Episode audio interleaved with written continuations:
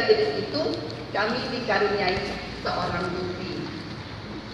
Oke, itu saja dulu perkenalannya. Status saya Indonesia, saya Pancasila. Ya, baik semuanya di sini sudah bekerja. Semuanya belum bekerja. Oke, saya mau eh, teman-teman angkat tangan siapa yang sudah bekerja. Berarti yang yang turun tangan, yang tangannya nggak diangkat belum. Siapa yang sudah bekerja? Baik, berarti sekitar 80% ya, bisa dibilang ya. Dari yang seribuan orang ini ada 80%. Baik, kita akan bicara diskusi eh, tentang luka-luka batin. Ini sebetulnya topiknya agak-agak apa yang kalian mau bilang? Agak-agak gimana gitu. Serem nggak? Serem ya? Saya baca di di Facebooknya eh, MBA katanya pada mau bawa betadin, pada mau bawa perban. Ya, siapa yang datang ke sini sudah tahu topiknya ini.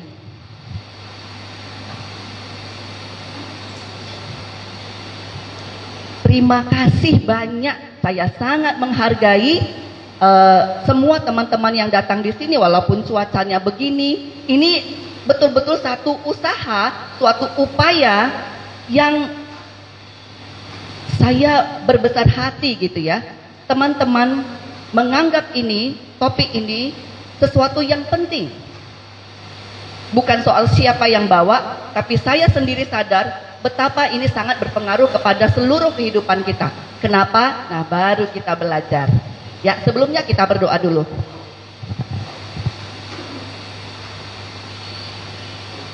Tuhan, kami bersyukur bahwa di tengah-tengah kesibukan pekerjaan kami, Tuhan perkenankan kami untuk berkumpul bersama. Menyatukan hati kami, menyatukan semangat kami untuk terus bertumbuh di dalam Tuhan.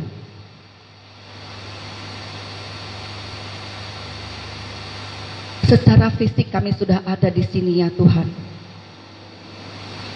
Tapi kami berdoa supaya Tuhan menolong kami agar segala indera kami, pikiran kami, emosi kami, semuanya juga sudah siap untuk bersama-sama mendengarkan bagian-bagian diskusi kami pada malam ini. Kiranya hikmat Tuhan menolong kami untuk mengerti sesuai dengan kebutuhan kami setiap pribadi. Engkau mengenal kami satu persatu ya Tuhan. Bahkan lebih daripada kami mengenal diri kami sendiri. Berbicaralah kepada setiap kami. Buatlah kami mengerti. Kami rindu akan diisi, diperbarui, diteguhkan, dikuatkan oleh kebenaran-kebenaran firman Tuhan dan oleh penjelasan yang akan kami dengarkan pada malam ini. Berkati kami semua yang mendengar, berkati hambamu yang akan membawakan. Kiranya namamu dipermuliakan di dalam sesi kami ini. Dalam nama Tuhan Yesus. Amin. Baik, saya naik lagi ya karena bahannya ada di atas. Gak apa-apa ya, tetap merasa dekat walaupun ada jurang di tengah kita.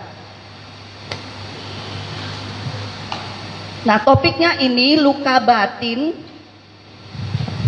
Tentu ini bukan hal yang bukan kali yang pertama teman-teman uh, mendengar terminologi ini. Cuman apa pastinya, pengertiannya, pemahamannya, kita akan diskusi malam ini.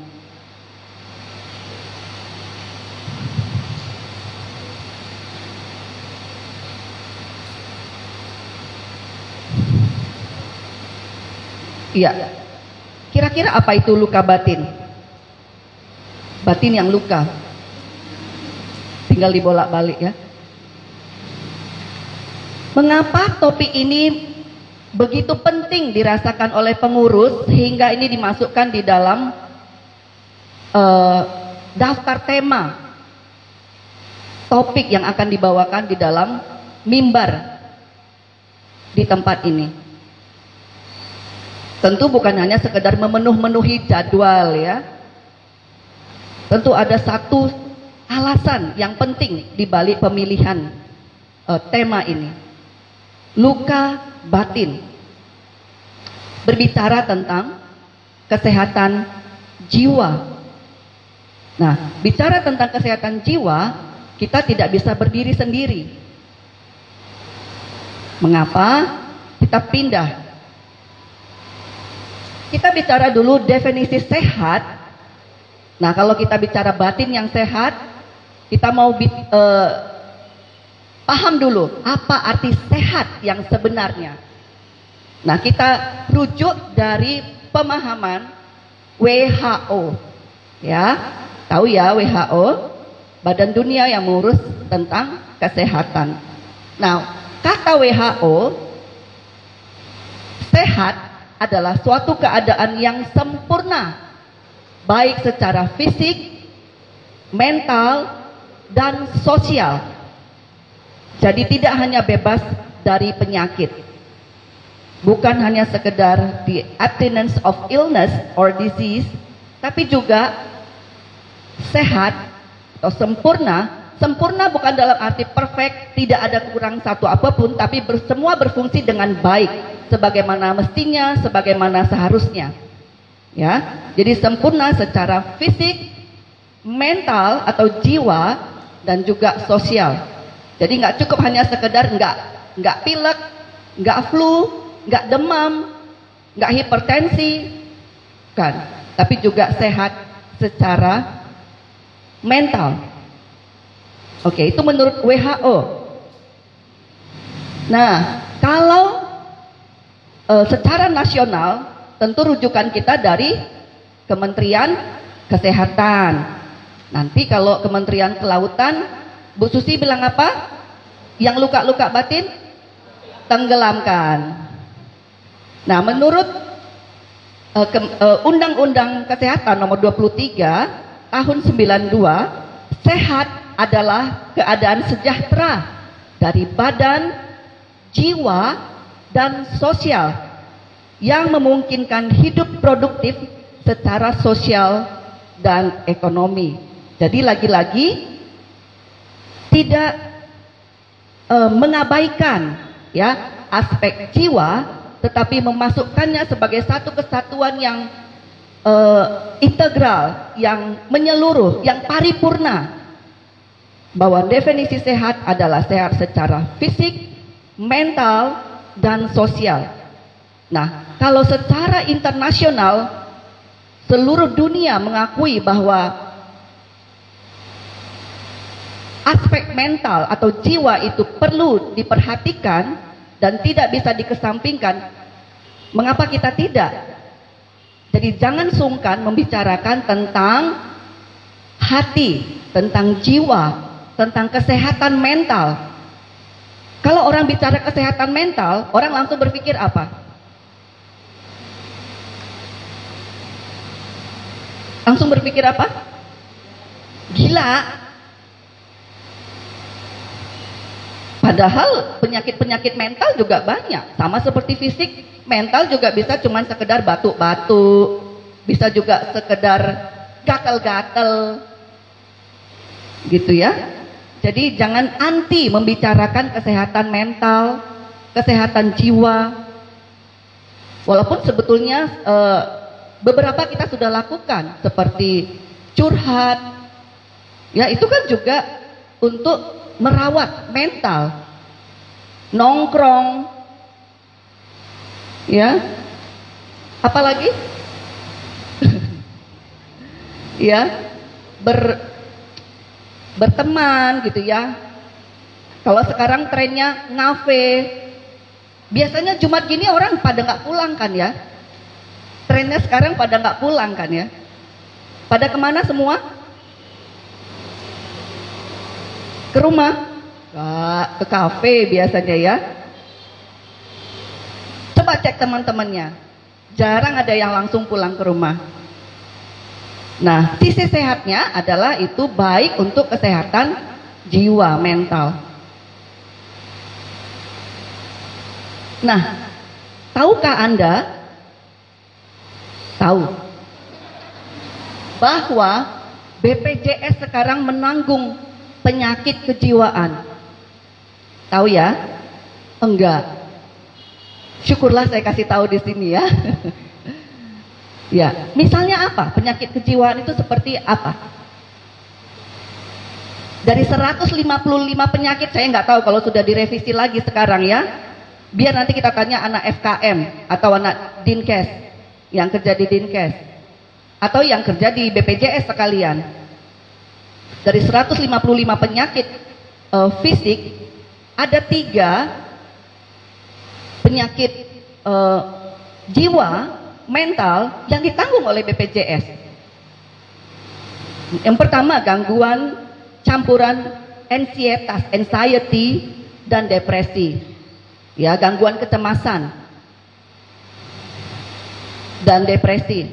Depresi itu kondisi yang sangat rentan. Ada tamu nggak diundang ya. Kondisi yang sangat rentan, tidak merasa tidak berdaya, merasa tidak punya harapan, itu kondisi yang sangat ekstrim. Yang kedua gangguan psikotik, Gangguan psikotik itu yaitu tadi ya, gangguan kejiwaan atau yang kita kenal dengan skizofrenia misalnya, itu yang terberat. Ya, kemudian insomnia. Nah, siapa yang susah tidur, punya gangguan tidur? Gangguan tidur itu ada dua, susah fall asleep, susah tertidur atau tertidur gampang tertidur tapi kemudian terbangun misalnya jam 2 dan tidak tidur lagi. Ya, jadi ini semua ditanggung. Nah, yang insomnia boleh ke vaskes atau ke puskesmasnya. Boleh minta obat tidur, tapi di, dicek dulu sama sama dokternya ya. Tapi yang jelas itu sudah ditanggung BPJS. Terlepas dari banyak keterbatasan BPJS dan kalau kita ke RSJ yang di di Cimalingkar, Cimalingkar apa daerah apa itu namanya? Saya tahu tempatnya dan pernah ke sana. Dokternya sendiri pun kadang-kadang mengeluhkan betapa kalau mereka tuliskan resep, resep itu belum ada. Obat itu belum ada. Nunggu dulu dua bulan. Tapi yang jelas eh, tempat, kamar sudah ditanggung. Ya. Nah, apa itu luka batin? Saya mencoba menggambarkan dengan image ini. Kalau kita lihat searah dengan jarum jam, apa yang digambarkan dengan gambar pertama kanan atas? Apa-apa saja penyebab luka batin? Jangan lihat cowoknya, nggak kelihatan, cuman penampakan belakang. Itu simbol apa? Image apa? Perselingkuhan, pengkhianatan, cinta segitiga mungkin Nah, beranjak ke bawahnya searah jarum jam, perceraian, konflik rumah tangga yang sangat berat, perpisahan. Bawahnya lagi, bencana alam, pengungsian, penderitaan, ketidakpastian, tidak ada harapan. Itu yang disinabung, yang berikutnya itu yang di Aceh, di Banda Aceh waktu peristiwa tsunami. Yang berikutnya aborsi. Sebetulnya ada gambar yang lebih serem tapi saya kok nggak tega ya. Ada gambar yang lebih serem dari sini, image yang lebih serem. Tapi saya cukup menyimbolkan ini ya.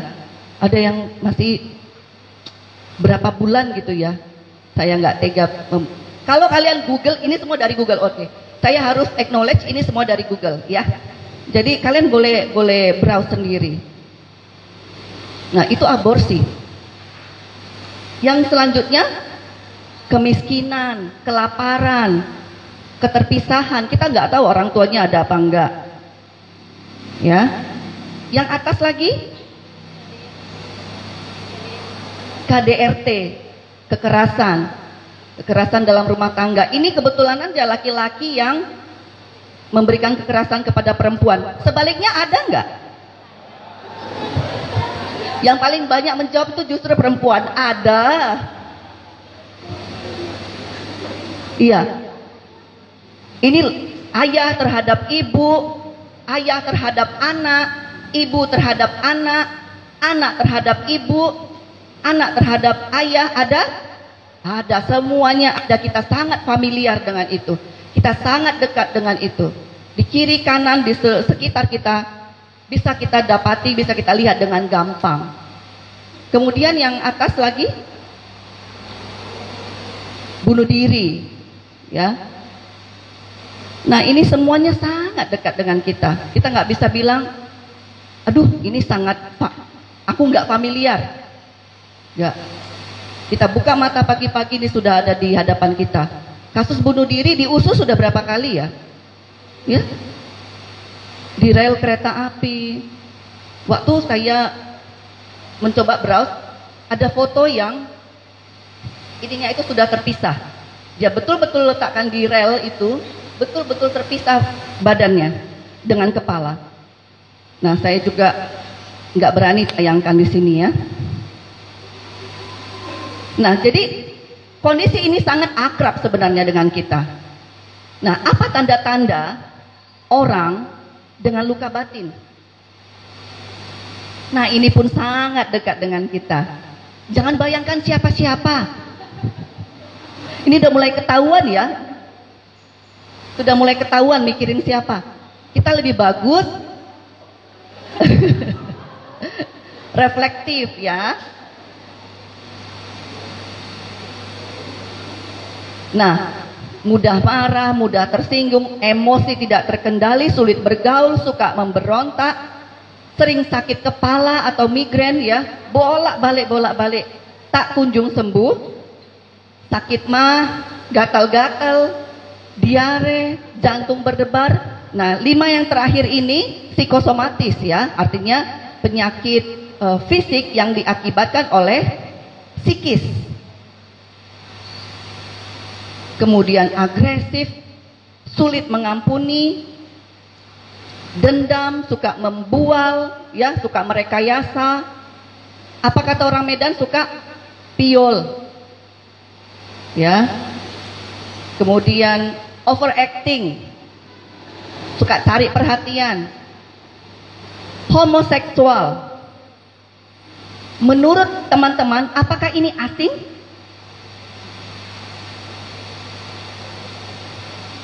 Saya beberapa kali melayani uh, saudara kita yang homoseksual itu ada di tengah-tengah kita. Lesbianisme ada di tengah-tengah kita. Nah, ini bukan kita membicarakan ini bukan untuk menunjuk-nunjuk orang lain, tetapi untuk belajar sama-sama apa itu, kemudian apa dampaknya dan bagaimana kita menyikapinya. Makanya tadi saya bilang jangan bayang-bayangkan orang lain. Jangan menjadi hakim yang menunjuk orang lain, ya. Lebih bagus kita reflektif. Nah, di dalam uh, bahasa Inggris, batin itu diterjemahkan sebagai mind. Artinya pikiran, perasaan, emosi. Dan batin atau mind itu terbagi dua, terbagi dua lapisan. Pertama, conscious mind atau batin sadar. Ya. Proses kerja pikiran sadar seperti melakukan sesuatu, belajar sesuatu yang baru, bertindak sesuai uh, alasan, berdasarkan alasan yang jelas, kemudian berpikir analitik, logis, intelektual, berdebat dengan rasional, semuanya itu masuk di batin sadar. Ya. Cuma batin sadar ini memorinya limited, terbatas. Dan hanya menyimpan memori jangka pendek. Yang kedua, subconscious, bukan unconscious ya. Kalau unconscious itu pingsan, nggak sadar. Jadi ini batin bawah sadar, subconscious. Nah, proses kehidupan fisik manusia yaitu proses kerja organ tubuh, syaraf-syaraf, hal-hal yang bersifat kreatif, imajinatif, intuitif, tidak logis, bertindak berdasarkan sensor syaraf atau refleks. Nah, itu semua masuk di batin bawah sadar. Sifatnya jangka panjang dan unlimited. Masih sering nggak Misalnya kita mimpi tentang kejadian-kejadian misalnya waktu SMP, waktu SD. Saya kadang-kadang masih mimpi, misalnya ada kejadian di rumah, rumah yang terbayang saya adalah rumah yang saya tempati waktu kecil. Jadi bu, cerita rumah bukan rumah yang sekarang, karena kami ber, berkali-kali uh, pindah rumah. Jadi memori masa kecil, memori jangka panjang itu masih terekam di batin bawah sadar sampai ke mimpi pun ya itu kan tidak disengaja ya. Saya nggak bisa. Nanti malam harus mimpi jam 1 lewat 30 kamu nggak bisa. Jadi semua batin bawah sadar. Atau misalnya organ-organ tubuh saya nggak bisa uh, bilang jantung ayo berdetaklah nah seperti narik nafas itu semuanya batin bawah sadar. Dan konon katanya 70 persen yang terjadi dalam hidup kita dikontrol oleh batin bawah sadar. Selebihnya baru kita lakukan dengan sadar. Mengambil sesuatu. Kadang-kadang jalan pun kita udah nggak sadar, apalagi kalau di rumah. Mati lampu pun kita tahu di mana apa, di sini apa. Ya. Nah, jadi kalau boleh kita simpulkan, luka batin adalah tumpukan emosi negatif yang tersimpan di bawah alam sadar akibat pengalaman hidup yang menyakitkan. Nah, kita recall lagi gambar-gambar yang tadi. Pengalaman hidup yang menyakitkan. Ya.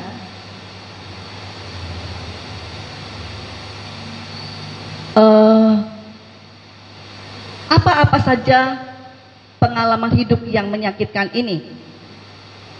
Apakah sama pada setiap orang? Tidak. Masalahnya mungkin bisa sama, tetapi respon setiap orang bisa jadi sangat berbeda.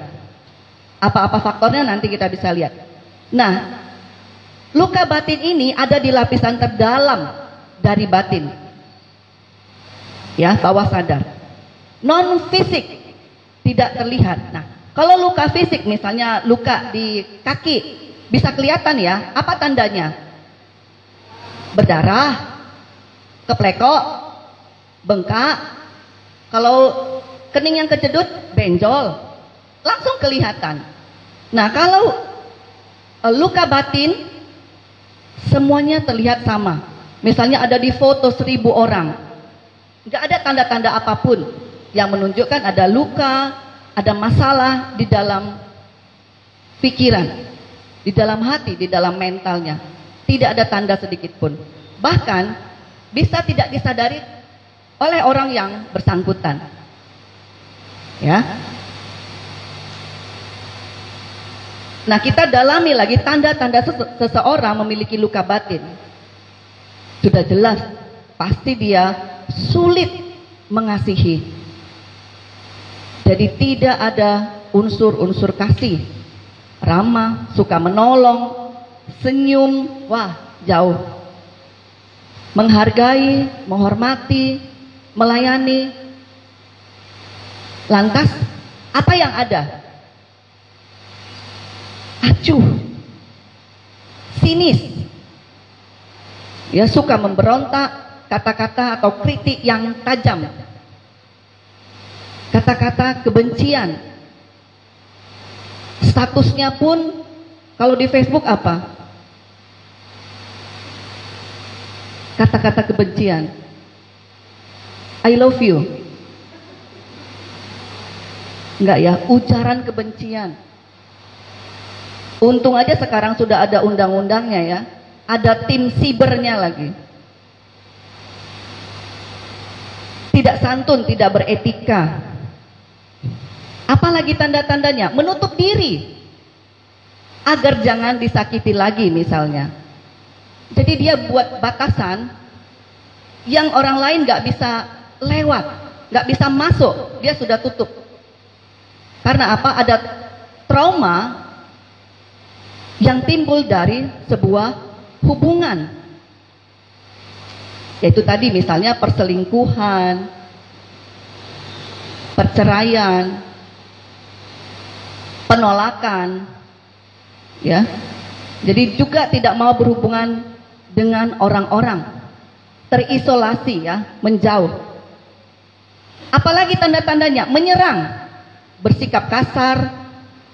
Jadi Nah, salah satu statusnya mungkin lebih baik melukai daripada dilukai. Nah. Cenderung memaki. Jadi gampang sekali memaki. Kebun binatang itu lancar. Dan mudah menghakimi apa saja yang dilihatnya. Semua salah. Melihat kesalahan itu paling gampang.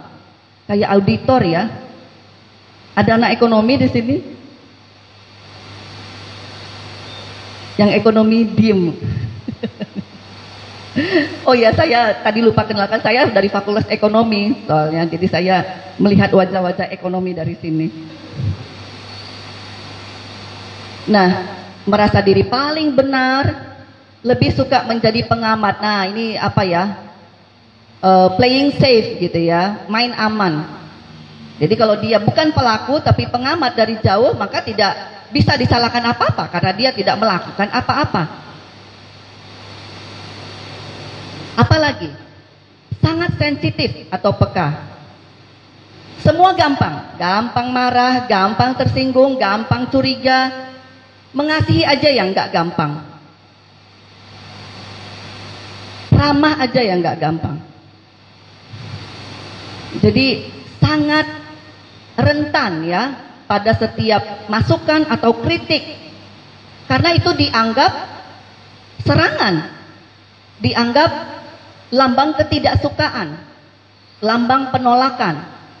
Dan dia sangat rentan dengan itu. Berikutnya suasana batin yang tidak stabil saat tertentu terlihat baik, ramah, bahagia, tetapi di saat lain pemarah, murung, kasar, dan baik kepada orang tertentu saja, dan sebaliknya kepada yang lain. Jadi memang motifnya bukan karena dia baik, tapi ada alasan-alasan tertentu yang dia mau capai. Ada goal atau target tertentu yang dia mau capai. Oke, kita ulang sedikit apa yang menyebabkan luka batin pengalaman traumatis. Traumatis itu artinya pengalaman emosi yang yang sangat mengejutkan dan berdampak jangka panjang. Ya. Nah, lagi-lagi ini sangat pribadi sifatnya, sangat personal. E, kejadian tsunami di Aceh berdampak berbeda pada semua orang. Ya, sifatnya sangat pribadi, ada yang merasa sangat hancur sampai nggak bisa ngapa-ngapain, bertahun-tahun baru bisa uh, mulai bangkit berbenah. Ada yang dalam beberapa bulan sudah bisa coping, sudah bisa le lebih berbenah diri. Ya. Jadi pengalaman traumatis menurut dia, ya bukan hanya sekedar masalahnya atau kejadian atau peristiwanya, tetapi pengalaman traumatis yang dia anggap dia responi sangat luar biasa. Ya. Misalnya kehilangan uh, kehilangan, dihianati atau disakiti atau dilecehkan oleh orang yang sangat dekat. Misalnya uh, pelecehan seksual. Ya, dulu pun saya rasa, saya pikir ini uh, sangat jauh ya, nggak ada di kita. Tetapi sesudah saya belajar dan mulai menerima teman-teman adik-adik yang konseling, baru saya lihat ternyata banyak sekali yang mengalami pelecehan seksual. Padahal dia tinggal di daerah yang jauh dari kota. Bahkan bukan Siantar, lebih kecil dari Siantar lagi. Atau Pekanbaru, lebih kecil dari Pekanbaru lagi. Banyak yang mengalami pelecehan seksual. Jadi uh, kita nggak bisa abai, kita nggak bisa nggak peduli lagi terhadap hal ini ya. Nah, penyebab luka batin peristiwa yang berlangsung untuk waktu yang relatif lama. Ya, waktunya secara durasi berlangsung lama. Misalnya seorang anak kecil yang suka di, disakiti oleh orang tuanya jadi mungkin sampai dipukuli, diikat, gitu ya, atau dikurung, disekap. Nah itu berlangsung bukan cuma sekali, tapi terus sampai dia dewasa dan bisa melawan. Dan orang tuanya berhenti. Bukan karena sadar, tapi karena takut dibalas. Nah itu menimbulkan satu luka batin yang amat dalam. Karena itu berlangsung uh, dilakukan oleh orang dekat yang seharusnya memberikan kasih sayang. Nah, itu faktor-faktor yang menyebabkan. Kemudian dilakukan berulang-ulang tadi sudah. Kejadian peristiwa yang dilakukan oleh orang dengan sengaja. Jadi bukan kecelakaan. Misalnya ada satu pembunuhan, maka pembunuhan itu pembunuhan berencana. Disengaja itu lebih menyakitkan daripada orang yang misalnya meninggal karena kecelakaan, tabrakan. Nah, itu sakitnya beda, ya. Dampaknya beda. Yang dilakukan dengan sengaja atau direncanakan dengan yang kebetulan atau kecelakaan.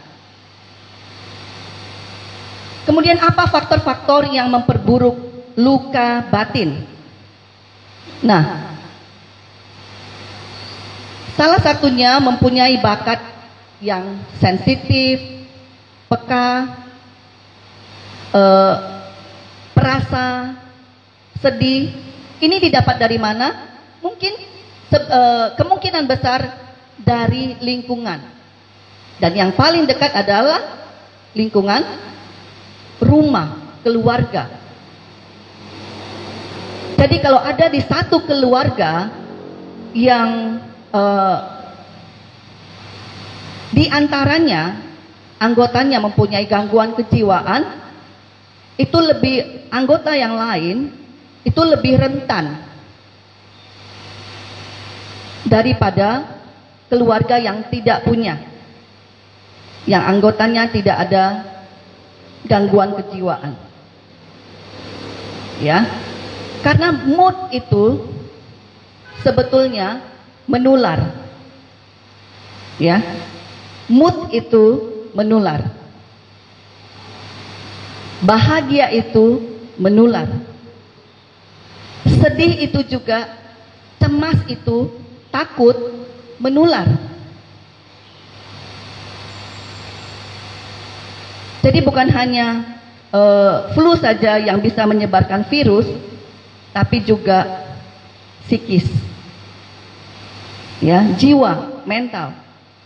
Makanya kalau pengen orang di rumahmu bahagia maka kita juga harus bahagia. Tularkan bahagianya. Ya. Kemudian banyak mengalami hal buruk di masa lampau jadi seperti tadi ada peristiwa tsunami atau sinabung yang batuk-batuk Respon setiap orang berbeda. Kalau dia sudah banyak mengalami hal-hal buruk di masa lalu, maka pemicu yang sekarang akan lebih dirasakan dampaknya daripada orang yang sebelumnya baik-baik saja atau tidak pernah mengalami sesuatu penderitaan atau peristiwa yang serius atau traumatis sebelumnya. Ya. Kemudian sudah mempunyai masalah sebelumnya.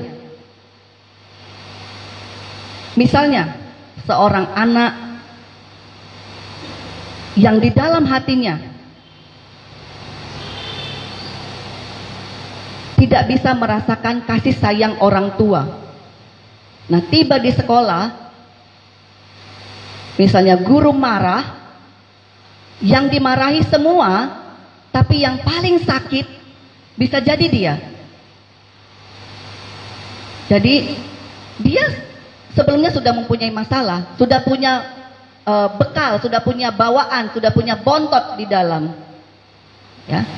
Kemudian, ah ini sangat penting tidak mempunyai support system. Jadi tidak punya sistem pendukung. Selama atau setelah peristiwa terjadi. Support system itu sepertinya apa? Apa saja yang bisa disebut support system?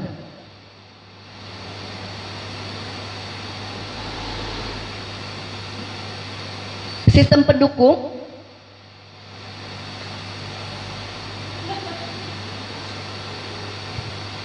Kira-kira apa ini support system? Ayo supaya tidak ngantuk karena kita belum buka ya.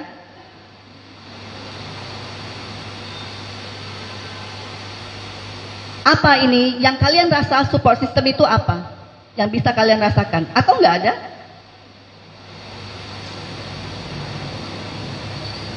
Teman, Punya teman? Coba lihat kiri kanannya. Berteman tidak? Ada yang geleng-geleng. Coba pukul pundaknya. Bro, bro. Atau sisis. Saya teman kamu. Jadi teman itu perlu ya keluarga itu juga bisa menjadi support system yang sangat efektif ya orang tua sibling atau saudara kandung atau juga sepupu kerabat ya semuanya bisa jadi support system teman sekantor persekutuan Semuanya itu menjadi support system. Nah, jadi kalau support system kuat, jadi peristiwa yang datang itu misalnya menyakitkan, tapi kalau kita punya teman untuk berbagi, untuk sharing perasaan, untuk curhat, untuk marah bahkan, maka kejadian itu bisa diminimalisir dampaknya. Sebuah persahabatan yang baik, yang sehat, yang sejati mestinya menerima juga ketika teman sakit. Ketika teman mau mengeluarkan unek-unek. Ada dua sahabat yang saya tahu betul-betul uh, kita nyaman, kita enak melihat cara mereka bersahabat. Yang satu kadang stres, dia telepon sahabatnya yang satu lagi, Halo, ada apa? Gak usah ngomong apa-apa. Tolong dengerin aku aja mau ngomel. Oke. Tadi kita suamiku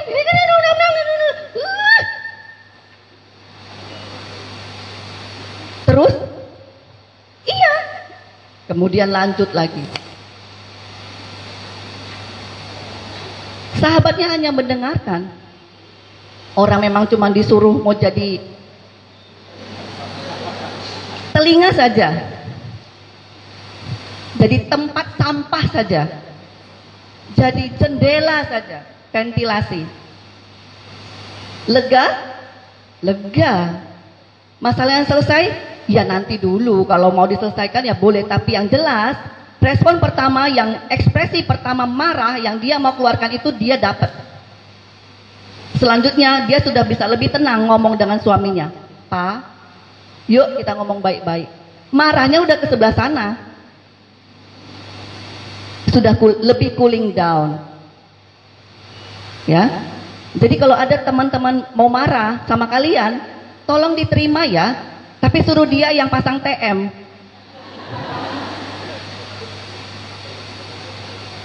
Nah, jadi support system ini menjadi sangat penting di dalam kesehatan jiwa atau mental. Nah, kita masuk kepada bagian yang penting. Bagaimana menyembuhkan luka batin. Tentu itu ada di dalam pertanyaan kita. Dan ini bahkan menjadi bagian yang yang kita tunggu-tunggu. Yang kita garis bawahi ya. Yang pertama, tidak ada step lain kecuali mengakui dengan jujur, dengan terbuka bahwa luka batin itu ada.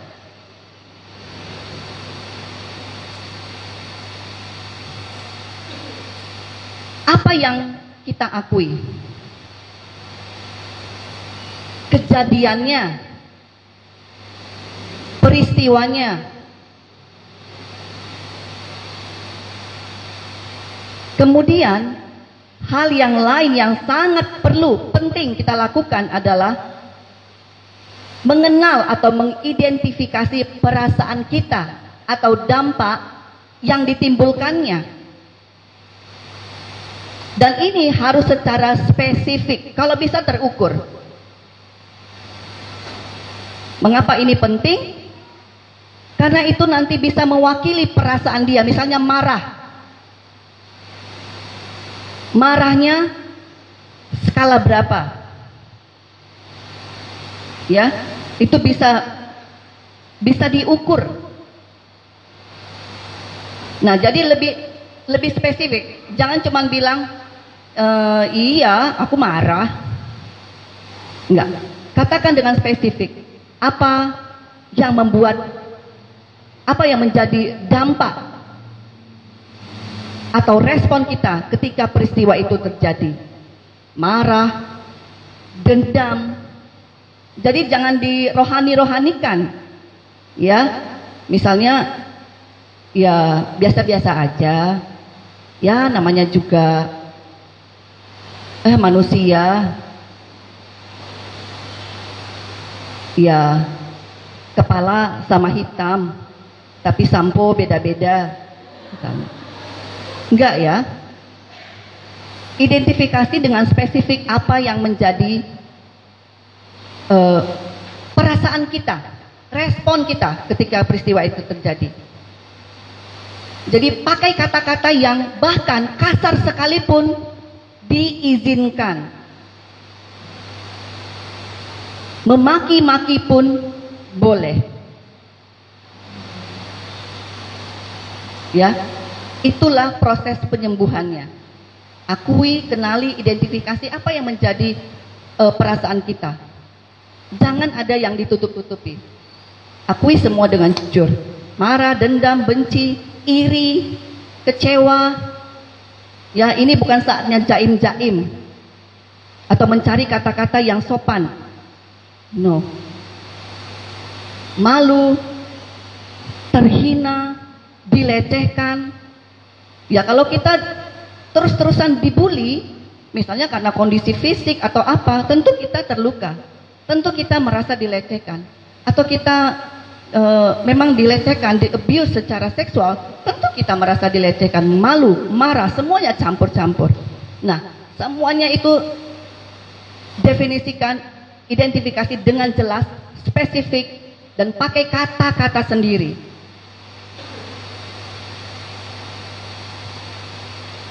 Nah, itu ada titik-titik. Kita boleh isi sendiri ya. Kita boleh ingat-ingat sekiranya ada. Kemudian yang kedua, nah ini yang benar-benar kunci untuk penyembuhan luka batin. Step yang tidak bisa di skip, ditinggalkan, ditawar. Apa yang perlu diampuni? Diri sendiri. Pertama, atas apa Mungkin kita punya kontribusi yang kita tidak sadar. Kenapa? Karena kita juga punya keterbatasan. Kita juga mungkin tidak berdaya pada posisi yang membingungkan. Jadi, ampuni diri sendiri untuk kesalahan, kelalaian, kekurangan, keterbatasan kita. Siapa lagi yang perlu diampuni? Orang yang menyakiti. Oke, kita lebih cepat kelihatannya ya nih ya. Arti pengampunan, pembebasan dari hukuman atau tuntutan. Jadi itu seperti melepaskan seorang narapidana. Dan kita sesudah mengampuni kita baru tahu bahwa narapidana itu adalah kita. Kita yang terikat, kita yang terbelenggu oleh perasaan-perasaan kita, oleh emosi-emosi negatif kita. Jadi pengampunan adalah mengambil uh, tidak mengambil hak untuk membalas dendam. Jadi kita memilih, kita memutuskan untuk tidak membalas dendam. Mungkin kita sepantasnya apa yang dia perbuat dari kita, kita pantas membalaskan sama dia. Tapi kita tidak mau melakukannya, kita dengan sadar memilih untuk tidak membalasnya. Ya. Nah, saya rasa bagian dari Matius 18 ayat 21 sampai 35 perumpamaan tentang pengampunan kita sudah familiar ya. Ada seorang hamba yang diampuni tuannya atas hutang. Dia dibebaskan atas hutangnya, kemudian dia begitu keluar dari tempat uh, si tuan itu, pada orang yang berhutang sama dia, dia tuntut. Dan kemudian algojo algojo tuannya itu menangkap dia kembali dan menyiksa dia sampai dia membayar hutangnya yang tadinya sudah dibebaskan sama tuannya itu. Boleh baca di rumah ya, kita kelihatannya nggak sempat lagi bahas di sini atau baca di sini, tapi saya yakin kita masih familiar dengan uh, perikop itu. Terus mengapa kita harus mengampuni? Karena Allah sudah lebih dahulu mengampuni kita. Jadi alasannya sangat jelas, Alkitab mengatakan, Kolose mengatakan, Sabarlah kamu seorang terhadap yang lain dan ampunilah seorang akan yang lain. Apabila yang seorang menaruh dendam terhadap yang lain, sama seperti Tuhan telah mengampuni kamu, kamu perbuat jugalah demikian. Jadi Allah sudah terlebih dahulu mengampuni kita, maka sekarang giliran kita mengampuni orang lain yang bersalah. Nah, maka konsekuensi logisnya adalah menolak mengampuni orang berarti menghalangi pengampunan Tuhan buat kita. Saya nggak menakut-nakuti ya. Ini semua ada di dalam kitab suci. Di dalam handphone suci. Sekarang udah pada bawa handphone aja ya. Dan jika kamu berdiri untuk berdoa, ampunilah dahulu sekiranya ada barang sesuatu dalam hatimu terhadap seseorang, supaya juga Bapamu yang di sorga mengampuni kesalahan-kesalahanmu.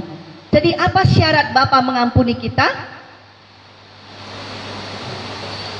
Sesimpel kita mengampuni orang lain. Lantas bagaimana? Apa yang harus kita lakukan supaya kita sanggup mengampuni? Pertama, ada tiga hal ya yang kita mau diskusi. Pertama, pengenalan akan Allah dan firman-Nya. Nah, seluruh isi Alkitab menggambarkan kasih Allah akan dunia. Allah menginginkan kita mengasihi karena Allah adalah kasih. Ada di 1 Yohanes 4 ayat 8. Barang siapa tidak mengasihi, ia tidak mengenal Allah, sebab Allah adalah kasih. Dan yang kedua, Yang kedua, 1 Yohanes 4 ayat 16, kita telah mengenal dan telah percaya akan kasih Allah kepada kita. Allah adalah kasih dan barang siapa tetap berada di dalam kasih, ia tetap berada di dalam Allah dan Allah di dalam dia. Jadi kita belajar kasih kepada kekasih itu sendiri, yaitu Allah. Kemudian yang kedua, penerimaan diri. Dari mana kita kenal diri kita? Dari pencipta kita, dari yang menciptakan kita. Kejadian 1 ayat 26. Menolong kita mengerti bagaimana kita diciptakan. Kita diciptakan bukan karena papa kita menikah dengan mama kita, kemudian kita ada. Bukan.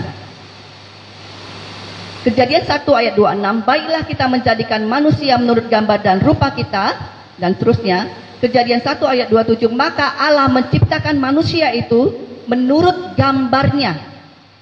Menurut gambar Allah, diciptakannya dia, laki-laki dan perempuan diciptakannya mereka. Jadi, identitas manusia adalah diberikan, dikonsep oleh sang pencipta kita. Bahwa kita diciptakan menurut gambar dan rupa Allah. Itu seperti bercermin seperti itulah mestinya Allah. Allah orang bisa melihat Allah di dalam kita seperti bercermin ya. Saya bisa melihat Allah di dalam teman-teman semua dan sebaliknya. Itulah yang idealnya. Itulah yang dimaksudkan Allah sebagai gambar dan rupa Allah. Nah, kita tadi sepakat yang memberikan identitas itu Allah. Tapi sayangnya Seringkali kita sendiri yang menetapkan identitas itu melalui apa? Achievement, pencapaian, prestasi, jabatan, keberhasilan, banyaknya relasi, popularitas, banyaknya aktivitas rohani, banyaknya like, banyaknya follower, banyaknya tas-tas yang branded, banyaknya credit card, apalagi banyaknya atau tergantung cepatnya kita bisa beli mobil. Ya kan? Itu menjadi beban di kita. Itu menjadi identitas kita. Kalau yang perempuan kecantikan gitu ya. Ada ada seseorang yang saya tahu nggak bisa keluar rumah kalau belum pasang bulu mata palsu. Dia sangat terganggu kalau orang melihat dia uh, apa ya tanpa make up Ya, identitas dia diletakkan kepada kecantikan dia, kerapian dia. Tentu saja apa ya? budget dia akan dihabiskan banyak kepada hal-hal yang mendukung itu, penampilannya. Nah, jadi kita bukanlah apa yang kita pikirkan atau orang lain pikirkan, orang lain inginkan, orang lain maksudkan untuk kita, bahkan orang tua kita. Ini juga akan menjawab pertanyaan bagaimana kalau seseorang anak tidak diinginkan di tengah-tengah keluarga. Ya. Orang tua kita boleh tidak menginginkan kita, tapi pencipta kita menginginkan kita ada, hadir, jadi, maka dia ciptakan kita. Oke. Okay. Identitas kita ada di dalam Allah yang menciptakan dan menenun kita, kita sangat dikasihinya. Jadi inilah mestinya yang menjadi pemahaman kita akan siapa kita, akan diri kita, sehingga kita tidak uh, over di dalam menilai kita, bisa menjadi apa ya uh, kepedean atau bisa menjadi underestimate, menjadi minder menjadi kurang percaya diri karena kita mungkin pak kurang kaya ban mobilnya kurang banyak atau ban rodanya kurang banyak cuma dua. Ya identitas kita mestinya tidak kita letakkan di dalam hal-hal yang sedemikian. Karena kita sudah identitas kita sudah ditetapkan oleh pencipta kita dan kita sangat dikasihinya. Kemudian pengenalan akan sesama manusia. Nah, ini sangat penting kita ketahui supaya akan menolong kita di dalam mengampuni orang lain. Karena tadi judul besarnya adalah bagaimana kita bisa mengampuni. Ya. Hal yang pertama, tidak ada manusia yang tidak berdosa. Masih ingat pelajaran tentang jaminan di Roma 3 ayat 23? Karena semua orang telah berbuat dosa dan telah kehilangan kemuliaan Allah. Jadi dunia ini memang diisi oleh orang-orang yang berdosa dan kita salah satunya menjadi korban orang-orang yang berdosa itu. Dan jangan tutup kemungkinan kita pun menjadi sumber dosa bagi orang lain. Pernahkah kita berpikir bahwa kita pun bisa menjadi pelaku penyebab luka batin kepada orang lain? Atau kita berpikir kita belum pernah menyakiti siapa pun? Jadi kalau kita bisa melakukan kesalahan, orang lain juga. Kita semua sama-sama berdosa. Jadi kemungkinan-kemungkinan untuk kita disakiti dan menyakiti akan terus ada sepanjang kita hidup. Nah, kita belajar dulu supaya pemahaman kita lebih menyeluruh. Nah, pandangan-pandangan yang salah tentang pengampunan. Nah, pengampunan ini bukan suatu perasaan, tetapi keputusan ya. Jadi misalnya aduh saya pengenlah mengampuni rasa-rasanya pengen mengampuni bukan? Siap atau enggak suka atau enggak kita putuskan saya mengampuni. Saya memutuskan saya memilih saya mengampuni dia. Saya mengampuni bapak saya. Saya mengampuni paman saya yang sudah memperkosa saya Misalnya, saya mengampuni orang-orang yang lewat dan tidak menolong saya waktu saya jatuh. Misalnya. Jadi itu suatu keputusan, suatu tindakan, suatu tekad. Ya, bukan hanya sekedar apakah kita suka, apakah kita pengen. Kemudian pengampunan tidak sama dengan melupakan. Dulu kita sering di dinasehati ya, sudahlah lupakan. Kalau kamu mengampuni, kamu pasti lupa. Benar? Enggak. Sama sekali berbeda. Karena pengampunan tidak menghapus fakta bahwa peristiwa itu ada, terjadi. Hanya kita tidak dikontrol lagi tidak dibelenggu lagi. Dampaknya tidak menyakitkan lagi seperti dulu. Sesudah kita mengampuni. Berikutnya tidak menghilangkan bekas luka atau sakit, tetapi menyembuhkannya. Sama seperti luka fisik ada bekasnya kadang-kadang ya, kebanyakan luka ada bekasnya. Nah, luka batin pun sering memberikan bekas. Jadi kita lihat bekasnya masih ada, tetapi dampaknya sudah tidak kita rasakan lagi. Sakitnya, perasaan malu, kecewa, terhinanya itu tidak ada lagi. Digantikan apa? Penerimaan, permakluman, pengertian, sukacita, damai sejahtera, rasa syukur. Jadi pengampunan membuat kita bisa bersyukur bahwa peristiwa itu pernah ada dalam sejarah hidup kita dan setiap luka tidak pernah sia-sia. Ya semuanya itu mendatangkan kebaikan di dalam hidup kita. Dan tidak membutuhkan dua pihak. Pengampunan tidak membutuhkan dua pihak. Misalnya ya tunggulah dulu waktu kecil-kecil kita sering SKT ya, saya nggak tahu kalau sekarang kita sering musuhan. Jadi kalau kita mau di uh, apa temenan tanya tanya dulu lah dia dia mau apa enggak gitu. Gitu ya.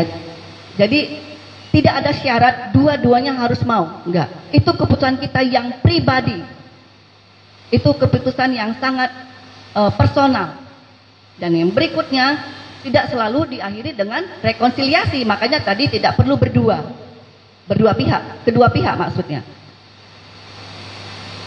Bisa memang diakhiri dengan uh, baikan, rekonsiliasi ya. Tetapi tidak selalu. Kalau peristiwa itu sangat menyakitkan, memalukan, bisa tidak dipertemukan. Pemerkosaan misalnya. Jadi tidak harus dipertemukan. Ya, tapi banyak juga kasus yang uh, rekonsiliasi. Seperti pembunuhan di apa ya? Uh, genocide di Rwanda. Itu pihak-pihak yang membunuh satu satu klan itu dipertemukan loh. Mereka saling buka-bukaan, mengungkapkan kemarahan. Kemudian mereka saling mengampuni. Yang keluarganya dibantai habis-habisan dengan cara yang sangat-sangat tidak manusiawi. Kalau kalian mau nonton Hotel Rwanda, ada yang sudah pernah nonton? Atau Sometimes in April? Aduh, saya sampai termimpi-mimpi nontonnya. Itu pembantaian seperti pembantaian PKI. Cuman PKI cuman beberapa orang. Nah ini satu generasi. Ya. Bisa diakhiri dengan rekonsiliasi tapi ini bukan syarat mutlak. Nah, kita belajar juga tadi ada pandangan-pandangan yang salah dalam pengampunan. Ini sikap yang salah dalam menghadapi luka batin. Nah, kita belajar yang salah supaya kita tahu yang benar. Pertama, denial. Menyangkal. Bahwa, ah itu tidak terjadi pada saya. Bukan itu sebenarnya maksudnya. Dia sebenarnya baik. Atau ya itu terjadi tapi ah enggak kok saya enggak kenapa-napa. Aku rapopo. Atau bahasa sekarang enggak ngaruh keles gitu. Tapi di dalam hatinya ada kemarahan yang dia coba simpan, yang dia coba sangkal, dan ditumpuk, suatu waktu akan meledak menjadi bom waktu. Sikap yang kedua, menghindar.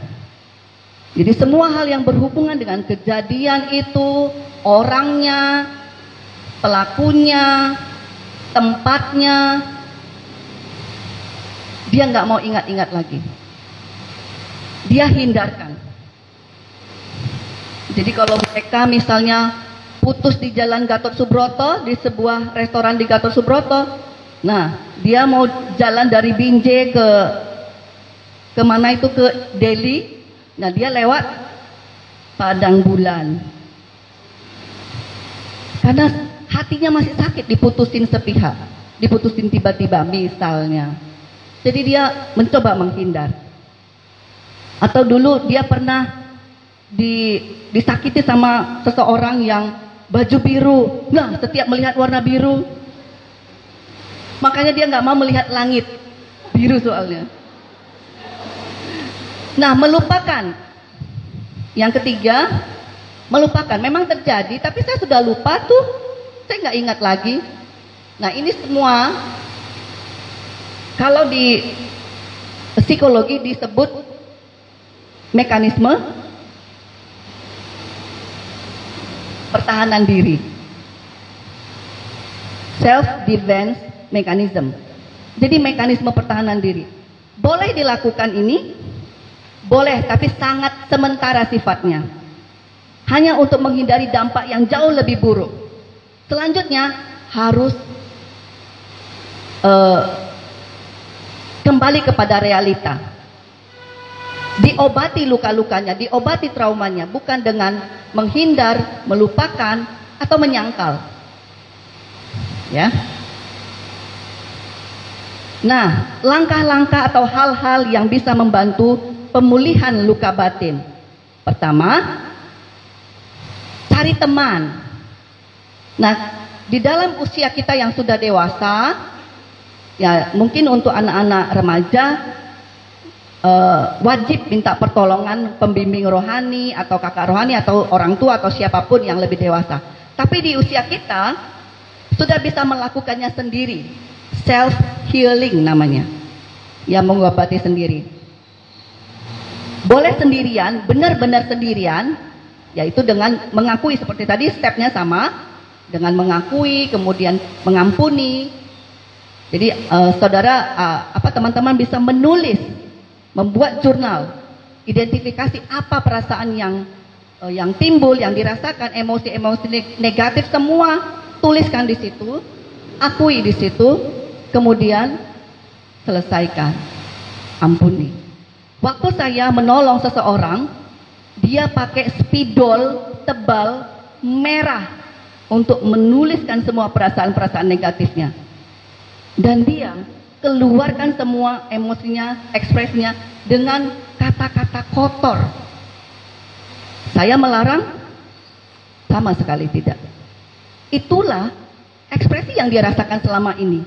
Nah kalau ibadah seperti ini kita boleh ngomong kotor, ngomong jorok, sama sekali nggak boleh. Tapi waktu di dalam uh, proses penyembuhan, kita boleh bilang apa pun, kita boleh ucapkan apa pun untuk mengekspresikan perasaan kita. Loh, kok boleh? Ya boleh, karena di akhirnya nanti kan kita meminta pengampunan bahwa itulah perasaan kita yang selama ini. Itulah yang kita tabung-tabung, kita timbun-timbun, tutupi selama ini. Sama seperti luka, ada nanahnya, kita tutup aja supaya nggak kelihatan orang jelek. Kita tutupi pakai handy plus yang cantik, yang motif-motif. Karena ada motif-motif batik loh. Ya, kalau yang anak-anak anak saya ada suka tuh yang Little Pony, Frozen. Nah, dia tutupi padahal di dalamnya borok kudis nanah apa yang dilakukan? Ya proses menceritakan itu menuliskan itu menjadi terapi. Jadi apa ya? Mungkin menyakitkan. Katanya seperti apa ya? Seperti melakukan operasi tapi nggak pakai anestesi. Seperti diiris-iris, berdarah. Bayangkan luka bernanah dikorek-korek. Tapi memang tidak ada cara lain untuk mengeluarkan nanahnya. Harus ditusuk atau disobek, disayat untuk kemudian dibersihkan. Ya. Dan kenapa saya sangat sarankan untuk melakukannya tidak sendirian, boleh sendirian, tapi kalau boleh cari orang lain, cari teman, sahabat, pembimbing, kakak rohani, uh, pendeta, konselor, psikiater, psikolog, terapis. Untuk apa? Meningkatkan akuntabilitas, pertanggungjawaban. Karena kita kadang permisif pada diri kita sendiri ya, ah nggak apa-apa kok, nggak ada yang tahu. Tapi kalau kita menceritakan pada orang lain, kita bisa uh, di dalam proses itu jatuh bangun kita, kita bisa ceritakan, kita bisa minta didoakan juga, kita bisa meminta masukan juga, nasihat, langkah-langkah terapi. Jadi kita harapkan meningkatkan kemungkinan untuk sukses untuk berhasil. Kalau kita lakukan dengan orang lain. Jadi saya tidak bilang itu hanya bisa di, uh, paling efektif dilakukan sendiri. Tidak. Atau tidak bisa dilakukan sendiri, bisa. Tapi lebih baik dilakukan dengan orang lain. Nah, hal-hal lain yang bisa membantu pemulihan luka batin Nah, lakukan sesuatu yang bermanfaat untuk orang lain. Jadi terapinya ini adalah untuk mengalihkan fokus kepada diri sendiri, kemudian kita alihkan kepada sesama. Jadi memperhatikan orang lain, kebutuhan orang lain. Jadi bukan hanya kenyamanan atau kebutuhan kita, tetapi kita gilirannya memperhatikan orang lain sehingga kita uh, tidak melulu memikirkan kesakitan kita, uh, kekurangan kita, kesedihan kita. lakukan hobi atau usaha baru. Jadi semangat akan datang bila ada kegiatan yang mengasihkan. Ini kata-katanya redundant ya. Semangat akan datang bila ada kegiatan yang mengasihkan. Titik. Nah, hobi terbukti meningkatkan kesehatan fisik dan mental. Jadi cari dan temukan hobi baru. Ya, coba lakukan sesuatu yang baru. Tidak harus mahal, tidak harus spektakuler. Nah, hobimu dulu apa? Sepak bola. Oh, lakukanlah sesuatu yang baru sekarang. Iya, apa itu? Futsal. Ya sama aja. Kalau dulu hobi sepak bola, mungkin sekarang saatnya coba masak. Buka apa? My recipe ya. Boleh coba-coba resep baru.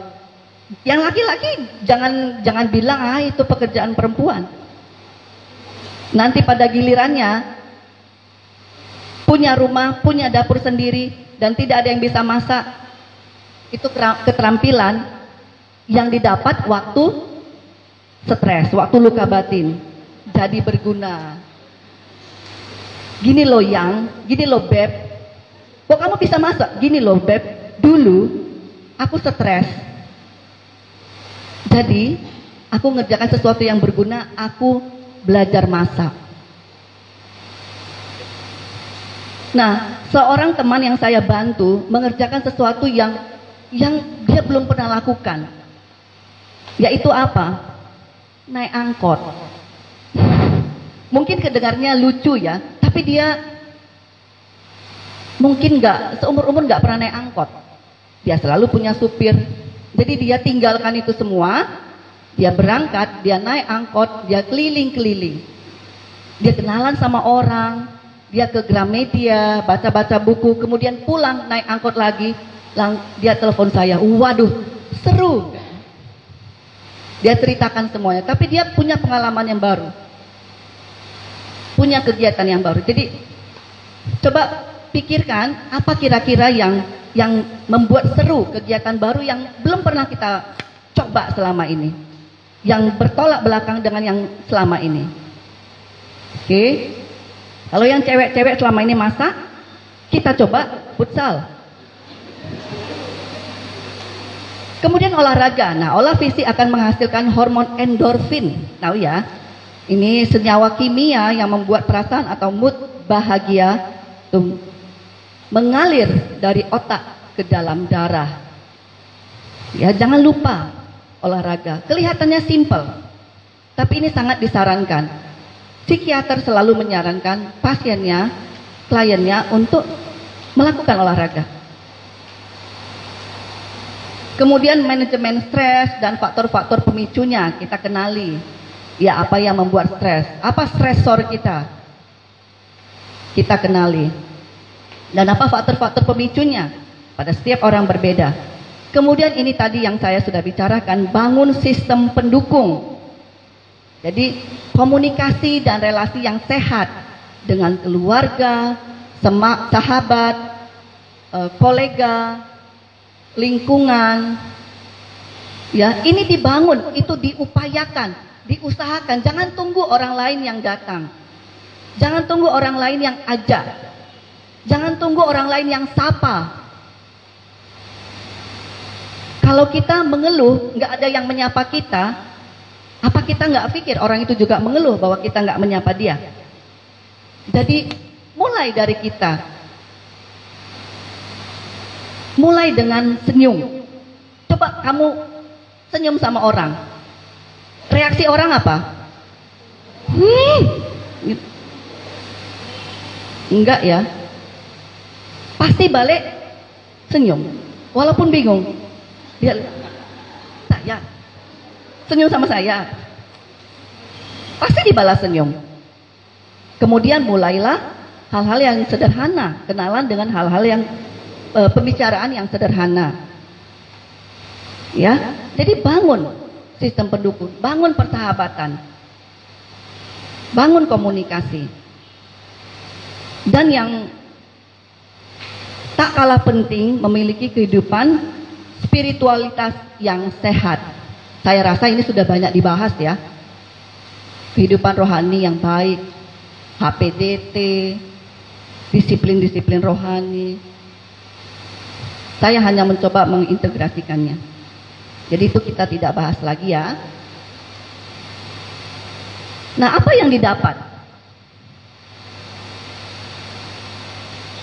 Jadi kontras dengan gambar yang pertama, apa yang e, terjadi dengan orang yang luka batin. Nah, yang sekarang bebas dari luka batin. Apa yang kita lihat di situ? Mulai dari pojok kanan atas. Wajah-wajah yang ceria, semangat, senyum yang lebar, bukan senyum yang ditahan ya, bukan. Senyum yang sinis, bukan, tapi ketawa. Kemudian kita lihat anak-anak, ini kalau dari segi anak-anak ya, bisa bertumbuh, bisa berprestasi, melakukan hal-hal yang disukai, mengembangkan potensi e, minat, bakat, ya. Kemudian ke bawahnya lagi bebas dari luka batin, membina keluarga yang bahagia, sejahtera selama-lamanya. Sakinah mawadah warohmah. Happily ever, ever after. Jadi ini tidak akan bisa dibangun kalau kita masih menyimpan luka itu. Seperti kita bicarakan tadi, gangguan seksual itu bisa ditimbulkan oleh luka batin. Ya. Ketidakpercayaan juga bisa ditimbulkan dan itu tidak bisa uh, tidak mungkin menjadi dasar di dalam pernikahan, di dalam perkawinan. Kalau kita sulit percaya sama orang, sulit dekat intim secara hati kita kepada orang, kita tidak bisa memulai sesuatu uh, relasi di dalam pernikahan antara suami uh, perempuan kepada laki-laki dan laki-laki kepada perempuan. Kalau luka batin itu belum disembuhkan, belum dibereskan. Nah, itu juga balik ke ke kiri. Nah, bisa menerima perbedaan, bisa membangun relasi yang baik dengan kolega itu uh, di kantor, ya. Kemudian yang di atas kreatif, nggak bisa olahraga di rumah di kantor. Kemudian juga suasana yang sehat dengan teman, kolega di kantor, ceria, bersahabat, hangat, Nah ini hal-hal yang kita dapat bila kita bebas dari luka batin. Sama e, seperti prinsip atau konsep kesehatan menurut WHO dan eh, undang-undang kesehatan, maka kita bisa sempurna baik secara fisik, mental dan sosial. Ya, Saya perlu baca lagi itu. Pokoknya semua yang baik-baik. Semua yang mendukung kita untuk bisa maju, untuk kita bisa bertumbuh. Mengenal diri sendiri, produktif, bertanggung jawab. Ya. Bisa mengekspresikan emosi dengan baik, dengan wajar. Sedih ya sedih. Marah ya marah. Saya tidak mengatakan kita tidak mungkin marah, hanya saja ekspresinya tidak seperti dulu histeris. Ya. Memiliki relasi yang baik dengan orang lain. Ada satu uh, ada satu istri lah, istri saya bilang ya karena sudah menikah yang tidak bisa menerima uh, suaminya karena dia melaku, uh, mengalami pelecehan seksual dari ayah kandungnya. Gitu. Jadi waktu saya tolong uh, proses menceritakannya itu pun sangat lama. Ya dia butuh waktu karena seperti yang kita bilang tadi luka itu harus di diangkat lagi. Harus diingat lagi. Supaya apa? Dia bisa mendefinisikan, identifikasikan perasaan dia sebetulnya apa. Dan dia nangis sampai lama, sampai tisu itu banyak dan saya biarkan diambil waktu untuk mengekspresikan air matanya. Jadi jangan takut dengan air mata ya. Air mata itu apa ya? Terapi, obat. Makanya Tuhan ciptakan air mata. Yang laki-laki juga boleh nangis. Jangan sekarang, jangan sekarang. Jangan langsung dicoba ya. Jadi air mata itu berfungsi untuk mengeluarkan toksin. Toksin obat-obat racun mental. Ya, menetralisir perasaan. Nah, yang laki-laki jangan heran nanti istri uh, nanti kalau sudah menikah, bukan nanti malam. Kelak sudah menikah, perempuan itu bahasanya air mata. Senang ya nangis, marah ya nangis, terharu ya nangis. Ada yang sudah menikah di sini? Ada. Ada yang pengen menikah? Banyak, semua. Mudah-mudahan semua ya. Nah, bisa menghargai orang lain, mengakui kelebihan orang lain, dan adaptif terhadap perubahan ya. Ada yang nggak mau dipindah ke mana-mana. Kenapa? Males. Males nyoba sesuatu yang baru. Dia sangat uh, sudah apa ya mapan, nggak mau berubah. Susah menerima teman baru, susah menerima job baru, susah menerima tanggung jawab baru. Ya. Nah, kalau yang sudah bebas, maka dia adaptif terhadap perubahan. Menerima kritikan dengan wajar. Bisa dipimpin atau diarahkan. Ini menarik ya, bisa dipimpin atau diarahkan. Tidak selalu berlaku atau mau menjadi pemimpin yang mengarahkan, yang mengatur. Tapi bisa tunduk dipimpin dan bertumbuh di dalam kematangan di dalam semua aspek hidup. Kalau anak kecil yang e, bisa bertumbuh dengan baik ya secara fisik ya bertambah besar, secara mental, pengetahuannya juga ya. Nah, kalau e, sudah dewasa maka bertambah kematangannya, kedewasaannya. Secara emosi dulu yang meledak-meledak gampang, nah sekarang bisa menjadi lebih tenang. Jadi bertumbuh di dalam kedewasaan sikap dan berpikir. Baik, saya rasa itu saja yang kita bisa uh, pelajari. Saya nggak tahu kita masih punya waktu untuk diskusi. Sudah habis. Iya. Uh, bila ada di antara kita yang merasakan bahwa ada yang perlu dibereskan, di dalam hati, di dalam pikiran, saya mendorong teman-teman melakukannya. Lebih cepat tentu lebih baik, karena luka itu akan semakin parah, akan semakin e, bau kalau terus disimpan-simpan dan ditumpuk-tumpuk. Bila teman-teman bisa melakukannya sendiri, self healing, silakan lakukan sendiri.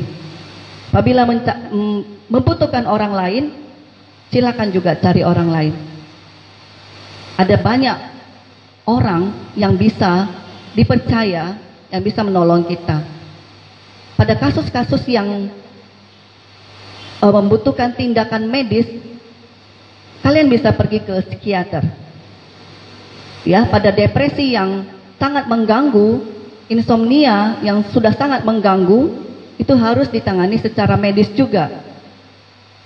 Jadi secara fisiologis di dalam juga dia bisa ditolong, untuk menetralisir zat-zat di dalam tubuh.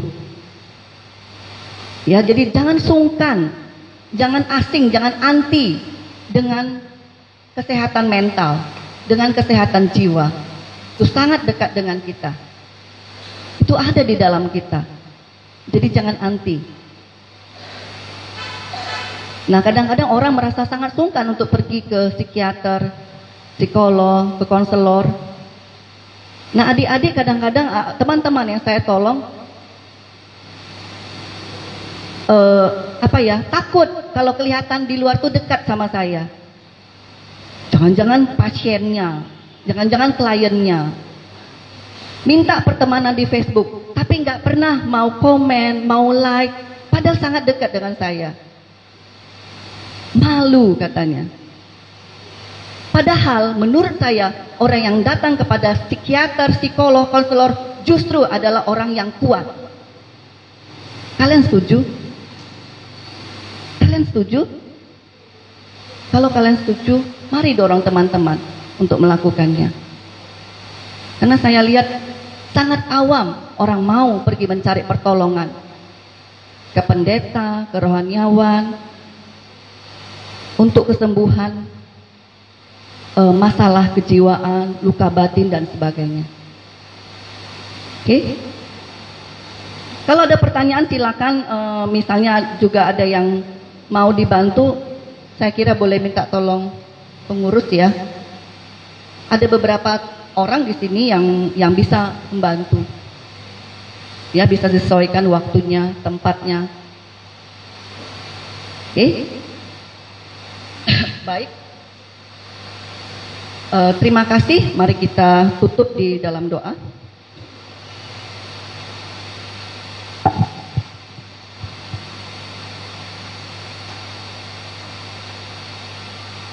Tuhan, apa yang terjadi di dalam pikiran kami, di dalam hati kami, yang